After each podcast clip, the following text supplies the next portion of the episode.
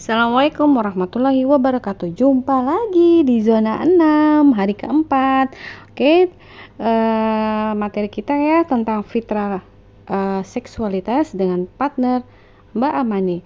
Hari ini uh, kami ingin mencari hormon-hormon apa saja sih yang mempengaruhi uh, lancar dan tidaknya tuh siklus menstruasi. Nah tugasnya itu Mbak Mani yang saya minta tolong carikan. Nah, sekarang kita mau tanya ya Mbak Mani, apa saja sih yang udah ditemukan oleh Mbak Mani tentang hormon-hormon yang mempengaruhinya? Oke, Mbak Mani silahkan. Bagaimana nih yang ditemukan? Coba jelaskan ke Mama. Jadi setelah yang dibaca, uh, hormon yang mempengaruhi siklus menstruasi itu sebenarnya dua yaitu hormon estrogen yaitu hormon wanita dan juga hormon androgen yaitu hormon yang lelaki. Nah, walaupun yang hormon lelaki ini kan emang bukan penyebab paling utama ya daripada hormon wanitanya, cuman ada satu keadaan di mana seseorang tuh bisa menghasilkan hormon androgen lebih banyak daripada hormon estrogennya. Jadi uh, itu tuh mempengaruhi kesuburan dan siklus haid dia. Oh, maksudnya walaupun dia perempuan ya, Mbak Mani, dia mempunyai hormon estrogen eh apa satunya tadi Mbak Mani? Androgen ya lebih banyak gitu ya. Iya, hormon androgen yang lebih banyak itu bisa menyebabkan sindrom ovarium polikistik atau hmm. gangguan keseimbangan kadar hormonal. Ini karena tubuh kita menghasilkan hormon pria yang terlalu banyak dibandingkan hormon wanitanya, sehingga siklus menstruasi bisa menjadi terlambat dan proses ovulasinya pun terganggu. Hmm. Biasanya sih ini penyebab utama infertilitas pada wanita hmm. selain uh, apa selain uh, pengaruh-pengaruh stres atau kurang gizi dan lainnya seperti itu. Hmm. Hormon yang satunya lagi apa tadi? Ada lagi nggak? Yang hormon satunya lagi itu hormon estrogen, ini hormon wanita. Hormon ini nih yang membantu adanya siklus menstruasi seperti itu karena kan uh, masa haid wanita kan beda-beda ya biasanya 2 sampai 7 hari. Kalau misalkan ada yang hormonnya lebih banyak itu biasanya lebih panjang juga siklus haid ya kayak gitu.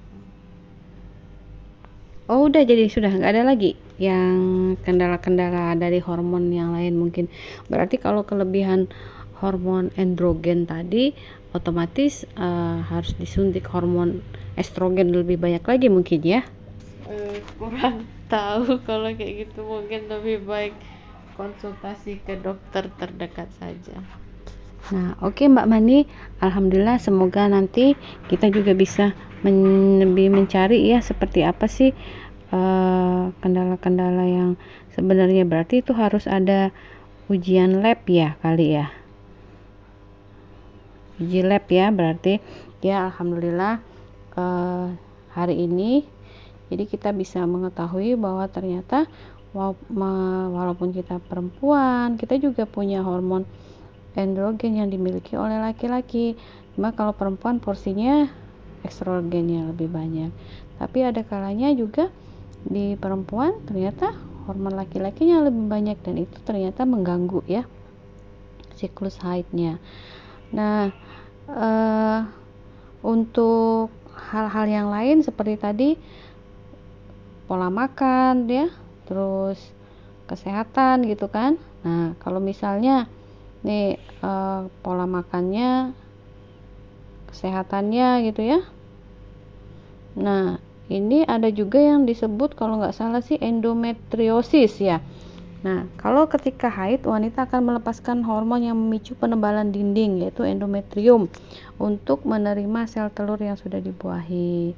Jika tidak terjadi pembuahan, maka dinding rahim akan luruh dari tubuh dan bentuk darah keluar dari vagina. Itulah yang namanya menstruasi. Penyakit endometriosis terjadi ketika jaringan endometrium tumbuh di luar rahim. Akibatnya, setelah endometrium mengalami proses penebalan, ya. Hmm, darah yang seharusnya keluar malah mengendap terjebak di dalam rahim. Ini juga nih ada ya eh, masalah-masalah yang seperti ini. Kemudian apalagi ya yang temuan kita hari ini? Uh, ada juga karena stres ya. Karena stres bisa juga hipotalamus yang terdapat dalam otak mempengaruhi uh, yang mengatur hormon ini termasuk hormon reproduksi wanita yaitu estrogen dan progesteron. Dalam keadaan stres atau tertekan secara mental, maka produksinya estrogen dan progesteron itu akan terganggu sehingga tidak seimbang. Kemudian juga ada kelenjar tiroid yang bermasalah. Jadi kalau misalnya ini ada kelenjar tiroid yang biasa disebut gondok sebenarnya tidak menyebabkan siklus menstruasi berhenti, namun ini akan menghasilkan terlalu banyak hormon hipertiroid. Nah, hipertiroid ini terlalu aktif, maka produksi hormon hipertiroid yang terlalu banyak akan mempercepat siklus haid sehingga dalam sebulan Anda bisa mengalami dua kali eh, atau lebih malah ya.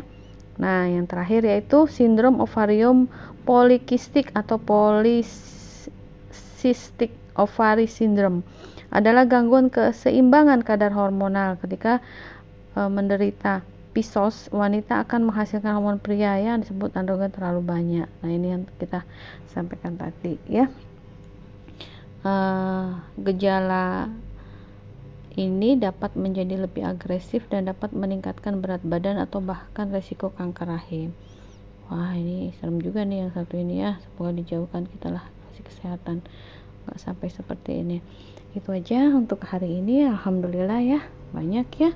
Nah besok kita lanjut lagi untuk literasi tentang uh, yang berhubungan dengan apa wanita ya baik perannya gitu sebagai istri sebagai ibu atau apa fitrahnya dialah sebagai wanita itu seperti apa. Oke assalamualaikum warahmatullahi wabarakatuh